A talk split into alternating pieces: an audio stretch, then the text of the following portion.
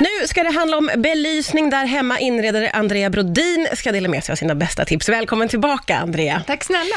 Du, eh, det känns ju som att när hösten kommer, då börjar vi alla tänka lite mer på att vi faktiskt har lampor där hemma. Ja. Och man blir mer medveten om att man liksom vill ha det mysigt omkring sig.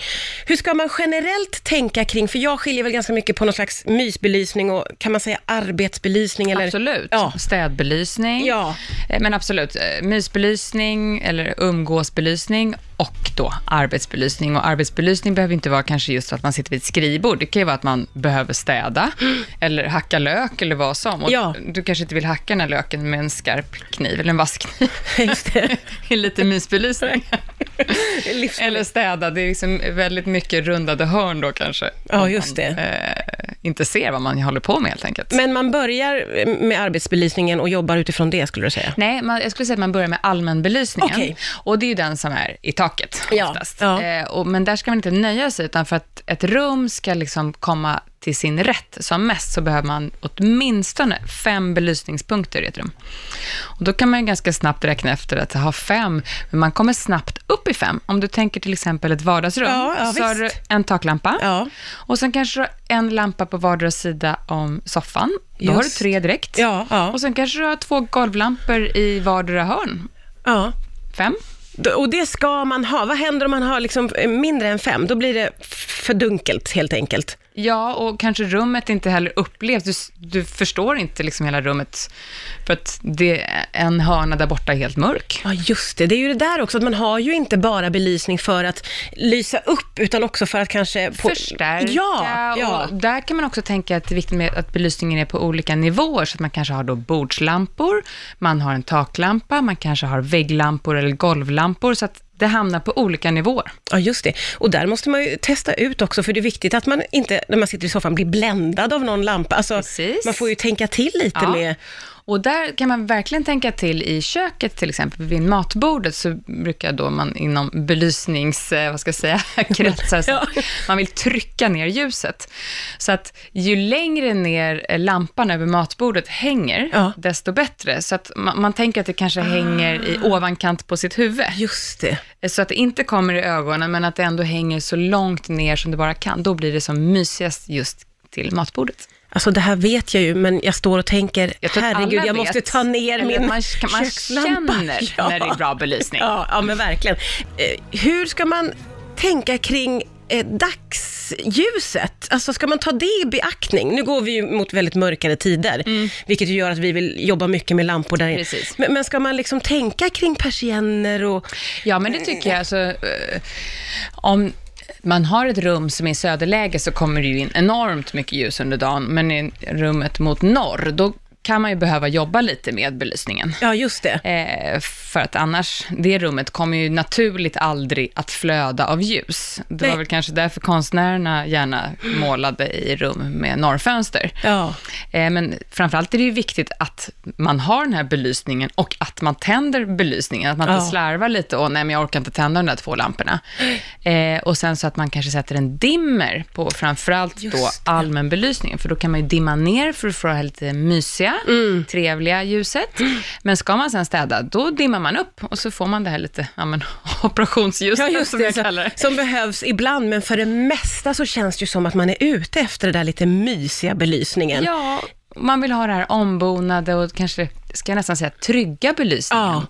Att det känns härligt att vara hemma, och Ja. varmt och ombonat. Hur mycket ska man tänka kring, eh, jag tänker liksom lampskärmar och sånt i olika material. Mm. Det måste ju spela in för vilket ljus man får. Absolut, visst gör det det. Och man kan ju även ha lampor som är lite eh, gula. Nu när det är LED-lampor överallt så, så är det svårt att få till den här lite varma, varma Ja, ljuset som ja. vi hade back in the days. Ja, faktiskt. Eh, Och då kan man ju köpa med lite med varmt ljus i sig, så att man väljer sådana. Just Även på spotlights och annat, så att man får det här mjuka. Men lampskärmarna kan ju annars hjälpa till lite om man inte har den typen av glödlampor. Ja. Men du, det här du sa inledningsvis om att man ska ha minst fem ljuspunkter, gäller det i alla rum? Ja, Jag tänker på, mm, inte badrummet. I badrummet kan du nog klara det på Där ska du ha sånt där operationsljus Ja, i ändå. taket. Ja, men ja. om du vill ha riktigt bra, till exempel sminkbelysning, och så, då ska du ju ha två lampor vid sidan av spegeln som kommer alltså rakt ja, mot just dig. det, ja. Inte bara uppifrån, för att har du ljus bara uppifrån så ser du egentligen bara dina egna ringar under ögonen. Ja, vad tråkigt. Man Den är klabba inte på, helt klabba på. fördelaktig, så att säga. Men även då till exempel i sovrummet så ska man ha minst fem ljuskällor. Ja, Jag tänk, börjar tänka på att jag nog inte har det faktiskt. nej, men där kanske man i värsta fall då kan nöja sig med fyra, säg att du har en lampa på vardera sida om sängen, Ja. en i taket och kanske en i fönstret. Ja, just det, Men just du det. skulle ju kanske kunna smyga in en liten golvlampa i någon hörna där Ja, då. det skulle man ju lätt kunna göra. Och eh, jag undrar ju över detta med eh, ljusslingor. Hur ställer du dig till det generellt om jag får men jag fråga? älskar ljusslingor. Ja, du gör det? Ja. Åh, vad glatt, för jag Ja. älskar också ljusslingor. Men ljusslingor är kul, för de kan man ju göra väldigt mycket med. Dels kan du ju dra dem runt ett balkongräcke, eller runt din entré, eller runt ett träd, eller vad som. Ja. Men sen kan du ju också knöla ihop dem i till exempel en glaskupa. Just göra det. som din egen lilla lampa. Ja, Eller runt sänggaveln, eller det finns Ja, massa saker man det kan göra med finns verkligen mycket man kan göra. Eh, Jag upplever att folk tidigare och tidigare eh, sätter ut ljusslingor på balkongen. Förr var ju det så förknippat med jul. Ja. Vad säger du om det? Är det okej? Jag tycker att nu när det går mot mörka tider och jag menar det kommer bli, eh, vad heter det, höstsolstånd här om eh, två veckor och då blir det ju riktigt mörkt. Eh, Ja, ja, då kommer du... Ja, ja. ex- exakt. Eh, Då bara do whatever it takes. alltså ljusa upp tillvaron och jag tycker också att de här ljusslingorna, de kan absolut sitta åtminstone februari ut. Ja. Ja, det är inte så förknippat med jul. Nej, Om man vill hänga ut en, en sån här stor röd tomte som blinkar. Men den kan man ju vänta Den ska man vänta med. Ja, den ska vi, jag den ska tänker, inte den ut. väntar vi med.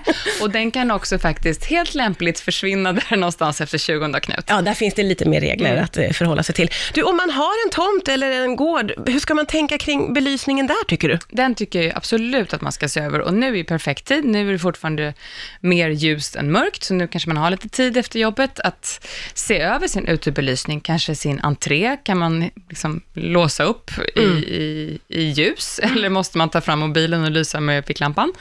Eh, och kanske även på fasaden eller på tomten, eller om man har någon innergård, så tycker jag absolut att eh, fixa det nu. Mm, verkligen. Du, eh, har, vad har du själv för favoriter vad gäller eh, ljuskällor där hemma? Ehm, jag är ju väldigt svag för bordslampor. Jag tycker att det är världens bästa grej. För den här bordslampan kan man flytta runt.